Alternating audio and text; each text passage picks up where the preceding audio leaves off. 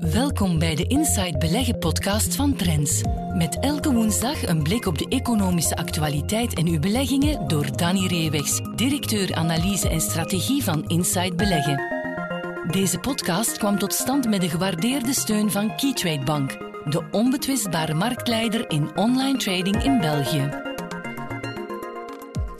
Uh, welkom bij de podcast van Inside Beleggen met directeur strategie van Inside Beleggen, Danny Reewegs. Welkom, Danny. Dag, uh, chef. Nu, in het tweede deel ga je voor ons het mysterie van Tesla ophelderen, maar voor we daaraan beginnen, neem je ons eerst mee naar de gaming-industrie. Nu, uh, ja. mijn kennis daarover reikt niet verder dan de Game Boy die ik nog heb van in de begin jaren 90. Dat werkt nog wel, mijn kinderen spelen ermee, maar uh, verder dan dat. Dus de gaming-industrie, wat moeten we ons daarbij voorstellen? Hoe groot is die en wat heeft die de afgelopen periode gedaan op de beurs? Ja, het is een uh, sector die enorm boomt de, de jongste jaren.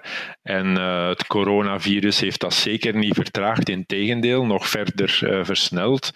Uh, en vandaar dat analisten die de sector volgen ervan uitgaan dat die sector dit jaar boven de 160 miljard dollar aan omzet zal draaien. Dat was vorig jaar minder dan 150, dus opnieuw zit er een, een sterke groei aan te komen. En de verwachtingen zijn dat die sector tegen 2022 boven de 200 miljard uh, dollar zal, zal gaan. Dus toch echt wel een, een, sector die de wind in de zeilen heeft. En uh, ja, in de lockdownperiode moesten mensen thuis blijven, konden ze niet gaan sporten, uh, niet naar culturele manifestaties. Dus ze zijn nog meer gaan, gaan gamen, nieuwe games, maar ook meer gaan spelen van bestaande games. Dus ja, het is echt wel een sector die momenteel het bijzonder goed doet. Ja, en zijn er dan bepaalde trends die je momenteel interessant maken om als belegger in de gaten te houden en, en om rekening mee te houden? Ja, eigenlijk iets wat je a priori zou zeggen, ja, dat is eigenlijk een heel negatieve ontwikkeling, namelijk dat meer en meer games gratis zijn, en waar dat die vroeger betalend waren. Dan denk je, ja, voor die producenten is dat toch slecht nieuws, maar ze hebben hun businessmodel volledig aangepast. En dus de toegang tot die games, zeker voor jongeren, is, is, is iets dat betalen is toch altijd een drempel. Nu is dat gratis en dat wordt opgevangen door uh, advertenties dan te plaatsen. Als iets gratis is, ja, dan aanvaard je dat, dat daar advertenties draaien uh, aan het begin of aan, tijdens die, die games. Um, en dus dat is dan een belangrijke inkomstenbron geworden, maar ook het feit van die microtransacties, hè, dat je helemaal vertrouwd geraakt met een game en dan je helden daar extra functionaliteiten, extra dingen wil en daar wil je dan wel voor betalen. Daar gaat dan wel het zakgeld van die jongeren aan op. En dat zijn heel twee belangrijke groeibronnen geweest, waardoor uh, de inkomsten van uh, die spelers toch wel heel sterk aan het groeien zijn. En vooral dat de winstgevendheid daardoor toch wel sterk is uh, naar boven gegaan. En over welke spelers hebben we het dan eigenlijk? Wie zijn de voornaamste trekkers van de gamingsector wereldwijd? Ja, dat is echt een groot ecosysteem geworden. Dus ja, je hebt daar ook heel grote uh, spelers, hè, zoals Microsoft met zijn Xbox, uh, Sony, Nintendo, uh, dat kennen we allemaal. Er zijn ook de, de chipproducenten, Nvidia, AMD, die daardoor heel sterk gegroeid zijn. Ook Amazon is een belangrijke speler in die gamingwereld. Maar een heel speciale vermelding moeten we toch geven aan Tencent Holdings, hè, de, de Chinese techgigant, die echt wel mag omschreven worden als het grootste gamingbedrijf ter wereld. En we hebben het ook gezien in hun meest recente kwartaalresultaten. Daar zagen we die gaming business bij hen meer dan 30% uh, groeien. En is echt wel de belangrijkste winstpoot van Tencent. En dat het, dat bedrijf vandaag op de Amerikaanse beurs een waarde heeft van ongeveer 600 miljard dollar. Dat is dat toch op de eerste plaats toe te schrijven aan die uh, sterke groei in, in uh, gamingactiviteiten. Ja. Dat zijn dan spelers met een, een gemengd businessmodel die buiten games ook nog andere inkomsten hebben, maar daarnaast heb je ook een aantal pure gaming-spelers voor wie dat de enige echte uh, bron van omzet en inkomsten zijn. Ja. Wie zijn daar de belangrijkste om in de gaten te houden als belegger? Ja, we, gaan de drie, een drietal toppers uh, bespreken en, en, voorstellen. De eerste is de grootste in omzettermen, dat is Activision Blizzard bekend van Call of Duty en World of Warcraft. Uh, een omzetcijfer zal dit jaar weer 6,5 à 7 miljard dollar zijn. Dus een echt grote speler. Alleen moeten we zeggen, de omzetgroei die is de jongste tijd toch wel wat afgebot.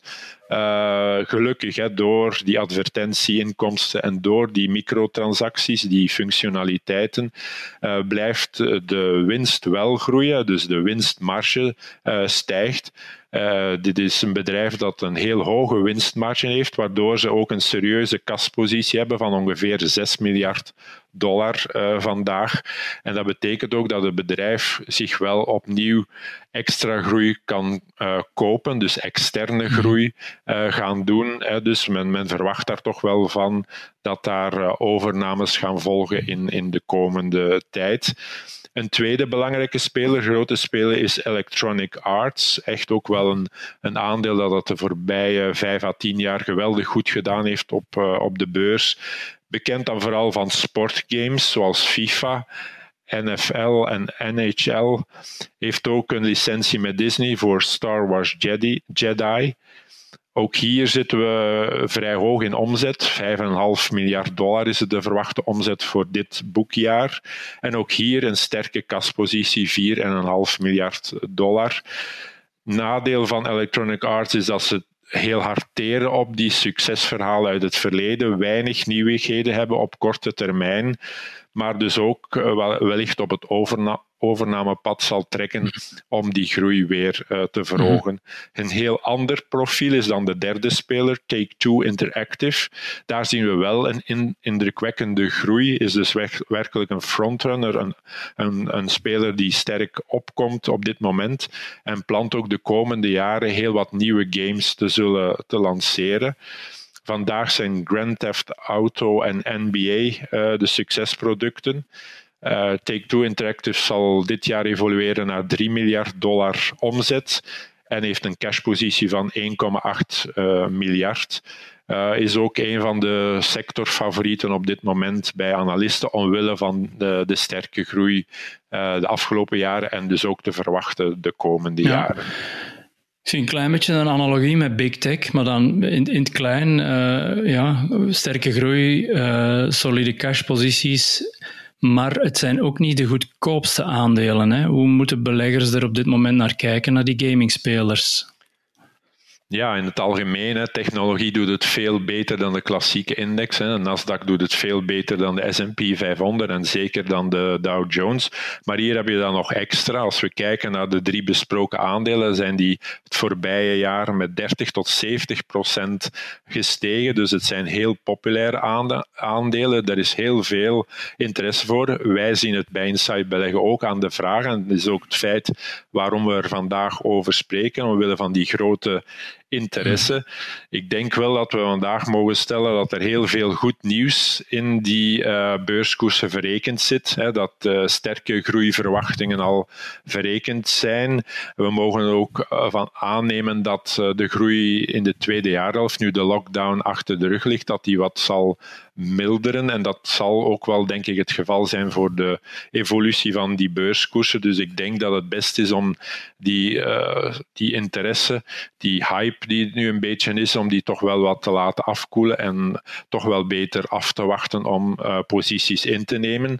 Uh, ik denk wel dat we Take-Two Interactive als favoriet mogen naar voren schuiven, omwille van het sterk groeiprofiel en eventueel is dat wel een kandidaat om ook te worden overgenomen door een grotere speler. En nu de belangrijkste vraag. Wat is jouw favoriete game? Pac-Man of Tetris? Uh, toch eerder Tetris, maar ik ben geen, uh, ik ben geen okay. gamer eigenlijk. We vallen allebei door de maand, denk ik. nee, goed. We gaan even over naar Geert van Herk, chief economist bij Keytrade Bank, met zijn analyse op de economische actualiteit. De beurzen hinken momenteel op twee gedachten. Enerzijds zijn er bemoedigende economische cijfers. Zo ging de afgelopen weken wereldwijd het producentenvertrouwen omhoog. Dat is goed nieuws voor de verwachte economische groei. Anderzijds zien we dat er nog altijd de vrees is voor een nieuwe opflakkering van het coronavirus. Zeker in Noord- en Zuid-Amerika blijft het aantal sterfgevallen hoog en in enkele Duitse deelstaten werd een nieuwe lockdown afgekondigd. Het zorgt er alvast voor dat de beurzen de laatste dagen een beetje richtingloos zijn. Hier en daar zijn er enkele marktstrategen die waarschuwen voor een zomercorrectie. Als belegger is het in deze omgeving niet zo evident om het hoofd koel te houden. Welke indicatoren kunnen hier hulp brengen en de belegger in staat stellen om het risico in de portefeuille in te schatten? Bij Keytrade kijken we voor ons portefeuillebeheer vaak naar het 200-daags gemiddelde. Dit is gewoon het gemiddelde van de slotkoersen van de afgelopen 200 dagen. Het is een populaire tool onder trendfollowers, oftewel trendvolgers, om de richting van de markt in te schatten. Als bijvoorbeeld Eurostox 50 boven zijn 200-daags gemiddelde ligt, zullen we in de markt zijn en volop mee profiteren van de stijgende trend. Ligt de index echter onder het 200-daags gemiddelde, zoals dit helaas vandaag het geval is, zullen we wat defensiever en voorzichtiger zijn. Deze defensieve aanpak kan een vorm aannemen van wat meer cash in de portefeuille of wat meer goud in de portefeuille. Zo trachten we de verliezen onder controle te houden bij een dalende beurstrend. Welkom terug in het tweede deel van de Inside Beleggen podcast. Elon Musk, ehm, CEO van autoproducent Tesla. Nu, er is al veel over gezegd en geschreven, maar het blijft toch een van de meest opzienbarende aandelen op de beurs. Wat is de huidige stand van zaken wat betreft de beursprestaties van Tesla? Ja, ik moet zelf ook zeggen dat ik compleet verrast ben door uh, ja, de aanhoudende stijging van dat aandeel. We zijn daar nu de afgelopen dagen boven de 1000 uh, dollar uh, geklommen. Ook dit jaar alleen al is het aandeel meer dan verdubbeld. We zitten nu op plus 130 procent sinds het begin van het jaar. Hè. Daarmee is het een van de best presterende aandelen binnen de, binnen de Nasdaq. Als we een jaar terug gaan, zitten we nu meer dan 300 procent hoger. en is er nu sprake van dat Tesla Motors in de S&P 500 zal worden opgenomen met een beurswaarde van 180 miljard dollar vandaag, zou dat ook volkomen terecht mhm. zijn. Tesla is nu de autoproducent met de hoogste uh, beurswaarde, hoger dan Volkswagen, maar dat was al een tijdje, maar ook hoger nu dan Toyota. En dat is eigenlijk ja, een fenomenale prestatie. Als je kijkt naar andere autobouwers, BMW, Daimler, ja, die zijn allemaal veel, veel kleiner dan uh, Tesla. En dat is des te opmerkelijker, om natuurlijk uh, Tesla nog lang niet de omzetcijfers van die bedrijven draait, maar toch in beurswaarde hen ver, ver overtroffen heeft. Ja, want ik vind het toch ook moeilijk om te begrijpen, eh, even ter illustratie, de verwachtingen zijn dat Tesla dit jaar tussen de, 500, tussen de 400 en 500.000 wagens zal produceren. Volkswagen alleen heeft passagierswagens vorig jaar meer dan 6 miljoen geproduceerd en toch is Tesla meer waard en is het zo'n succes op de beurs. Ook in de laatste maanden tijdens de coronacrisis. Ja, wat zijn daar de voornaamste redenen voor? Ja, omdat je uh, niet kunt zeggen dat Tesla helemaal niet getroffen wordt door de coronacrisis, maar wel veel minder. Daar zijn twee uh, dingen voor. Ten eerste, ja, Tesla-wagens zijn toch eerder luxe wagens voor uh, mensen, voor meer begoede klanten, hè, niet voor de midden- of de lagere inkomens. En het zijn vooral die natuurlijk die getroffen wordt door de COVID-19-pandemie. De hogere inkomens zijn daardoor wat minder, minder getroffen. Dus de impact op de vraag naar Tesla Tesla is, is minder mhm. sterk. En, uh, en twee heeft er natuurlijk een heel ander businessmodel. Hè. De klassieke autobouwers moeten het hebben van hun uh, concessionarissen met hun toonzalen. Die zijn natuurlijk allemaal gesloten geweest, maar Tesla verkoopt vooral online uh, de wagens, heeft dus niet dat uitgebreide netwerk en is vandaar ook minder geïmpacteerd. Maar dat zou kunnen verklaren waarom het aandeel het minder slecht zou gedaan hebben dan de klassieke autobouwers. Maar nee, we hebben hier een nog altijd forse koersstijging gezien. En dat heeft dan te maken met de voortdurende good news show die Musk weet te orchestreren. Hij weet voortdurend met nieuwe aankondigingen te komen. Zo is er de start van de productie van Model Y, waar uh, dat voor heel wat uh, positivisme zorgt bij beleggers. Uh, er is de upgrade van de fabriek in China, binnenkort de start van de fabriek in Berlijn in Duitsland, waar dan Model 3 en Model Y zal geproduceerd worden. Ook is er de lancering van de afstandtruck Tesla Semi. Uh, dus het vooruitzicht van de Cybertruck, van de Roadster. Mm Musk heeft een battery day gelanceerd, pakt uit met zijn megapack battery. Dus voortdurend is er positief nieuws waar naar uitgekeken wordt door analisten en beleggers. En dat houdt uh, de interesse voor dat aandeel bijzonder levendig. En altijd opnieuw zorgt dat voor koersstijgingen. Dat intussen die resultaten ja, toch wel gemengd zijn, dat die rendabiliteit zeker nog niet geweldig is bij Tesla, ja, dan nemen analisten en beleggers er gratis zonder morren bij. Dat geeft dan misschien eens een dag een mindere beursdag, maar twee dagen later is er al iets nieuw, is er al nieuws uh, dat weer voor positivisme zorgt. Dus vandaar ja, dat die koers maar blijft oplopen en, en, en nieuwe records ja. maakt. Eh, kunnen we dan spreken van een zeepbel? Omdat die rendabiliteit uitblijft, maar het gaat toch omhoog? Ja, dat is iets dat al jaren wordt gezegd door uh, heel wat mensen en analisten. Er is onlangs nog een, een prof geweest uh, die gezegd heeft: ja, dit is het, toonbeeld van de zeebel op, op de beurzen. Hè. Dat, dat is onrealistisch hoe hoog dat die koers gaat. En dan zag je, waren er 159 pagina's, als je dat uitprintte, aan reacties. Uh, en ook altijd maar dezelfde redenering. Je mag Tesla niet zien als een uh, autoproducent, dat is het bedrijf oneer aandoen. Dat is eigenlijk een technologiebedrijf en het moet ook gewaardeerd worden als technologiebedrijf. En als je kijkt naar die waardering, dan moet je zeggen, ja, dat is ook hoe de markt het vandaag uh, evalueert. dat staat buiten proportie ten opzichte van de waardering van andere klassieke autobouwers. Dus Tesla heeft zich een aparte categorie uh, in een aparte league kunnen, kunnen spelen. Um, en dat is natuurlijk ook wel zo om te zeggen: oké, vandaag is dit absoluut geen koopkandidaat. Uh, de waardering is exuberant als Elon Musk zelf recent zich heeft laten ontvallen dat de koers toch wel hoog is, ja, dan, dan moet je toch wel zeggen dat we hier in een gevaarlijk hoog niveau uh, zijn. Anderzijds wil dat nu zeggen, ja, met de ogen dicht kunnen we dit aandeel gaan shorten, dit aandeel gaat instorten. Dat denk ik nu ook niet meteen. De shorters hebben hier al enorm hun broek aangescheurd en hebben eigenlijk mee de hozen verder moeten voeden, omdat ze zich moeten indekken. Ik denk, zolang Musk die, die drive van dat goed nieuws kan, kan brengen, dan gaan er wel tussentijdse correcties zijn, maar een instorting van het aandeel, denk nog niet dat dat onmiddellijk uh, gaat gebeuren. Bovendien, als het aandeel effectief in de S&P 500 zal worden opgenomen, ja, dan moeten al die fondsen die die index volgen uh, opnieuw gaan dit aandeel ook nog eens gaan kopen, voor zover ze al die aandelen niet zouden hebben. En zou er nog eens voor 7 miljard dollar aan extra aankopen moeten verricht worden. Dus ja, dit aandeel is peperduur. Uh, en ik zou het vandaag ook absoluut niet aanraden om het te kopen. Maar anderzijds, ja, ik verwacht ook nog niet dat dit uh, vandaag al de nummer één short kandidaat is.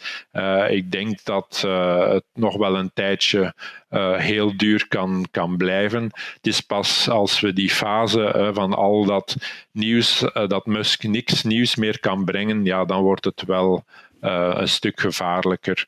Maar uh, vandaag, ja, het is heel duur, maar denk niet dat het onmiddellijk gaat instorten. Nee. En nu als ik jou het volgende dilemma voor de voeten werp en je moet kiezen tussen de aankoop van een Tesla-aandeel of een Tesla-wagen, wat wordt het dan? Ja, dan zou ik toch voor, uh, voor de wagen kiezen. Um, uh, ja, het heeft natuurlijk toch wel, wel iets. Het is iets apart. En, en ik hoor ook van mensen die een Tesla gekocht hebben, dat die absoluut uh, kandidaat zijn om weer een Tesla te kopen. Dus het ontgoochelt absoluut niet. En het aandeel heeft dat natuurlijk ook niet gedaan. Maar aan 1000 dollar, denk ik, is dat toch wel uh, overgewaardeerd. Op ja, Oké, dus Musk zijn goed nieuwsshow brengt toch nog enige vruchten. Jij bent heel hard bedankt voor jouw beursinzichten van deze week. En graag tot de volgende keer. Tot een volgende keer. Dag. Tot zover deze aflevering van de Inside Beleggen podcast. Meer tips, advies en analyses voor uw beleggingen leest u morgen in Trends. Volgende week zijn we er opnieuw. Deze podcast kwam tot stand met de gewaardeerde steun van Keytrade Bank de onbetwistbare marktleider in online trading in België.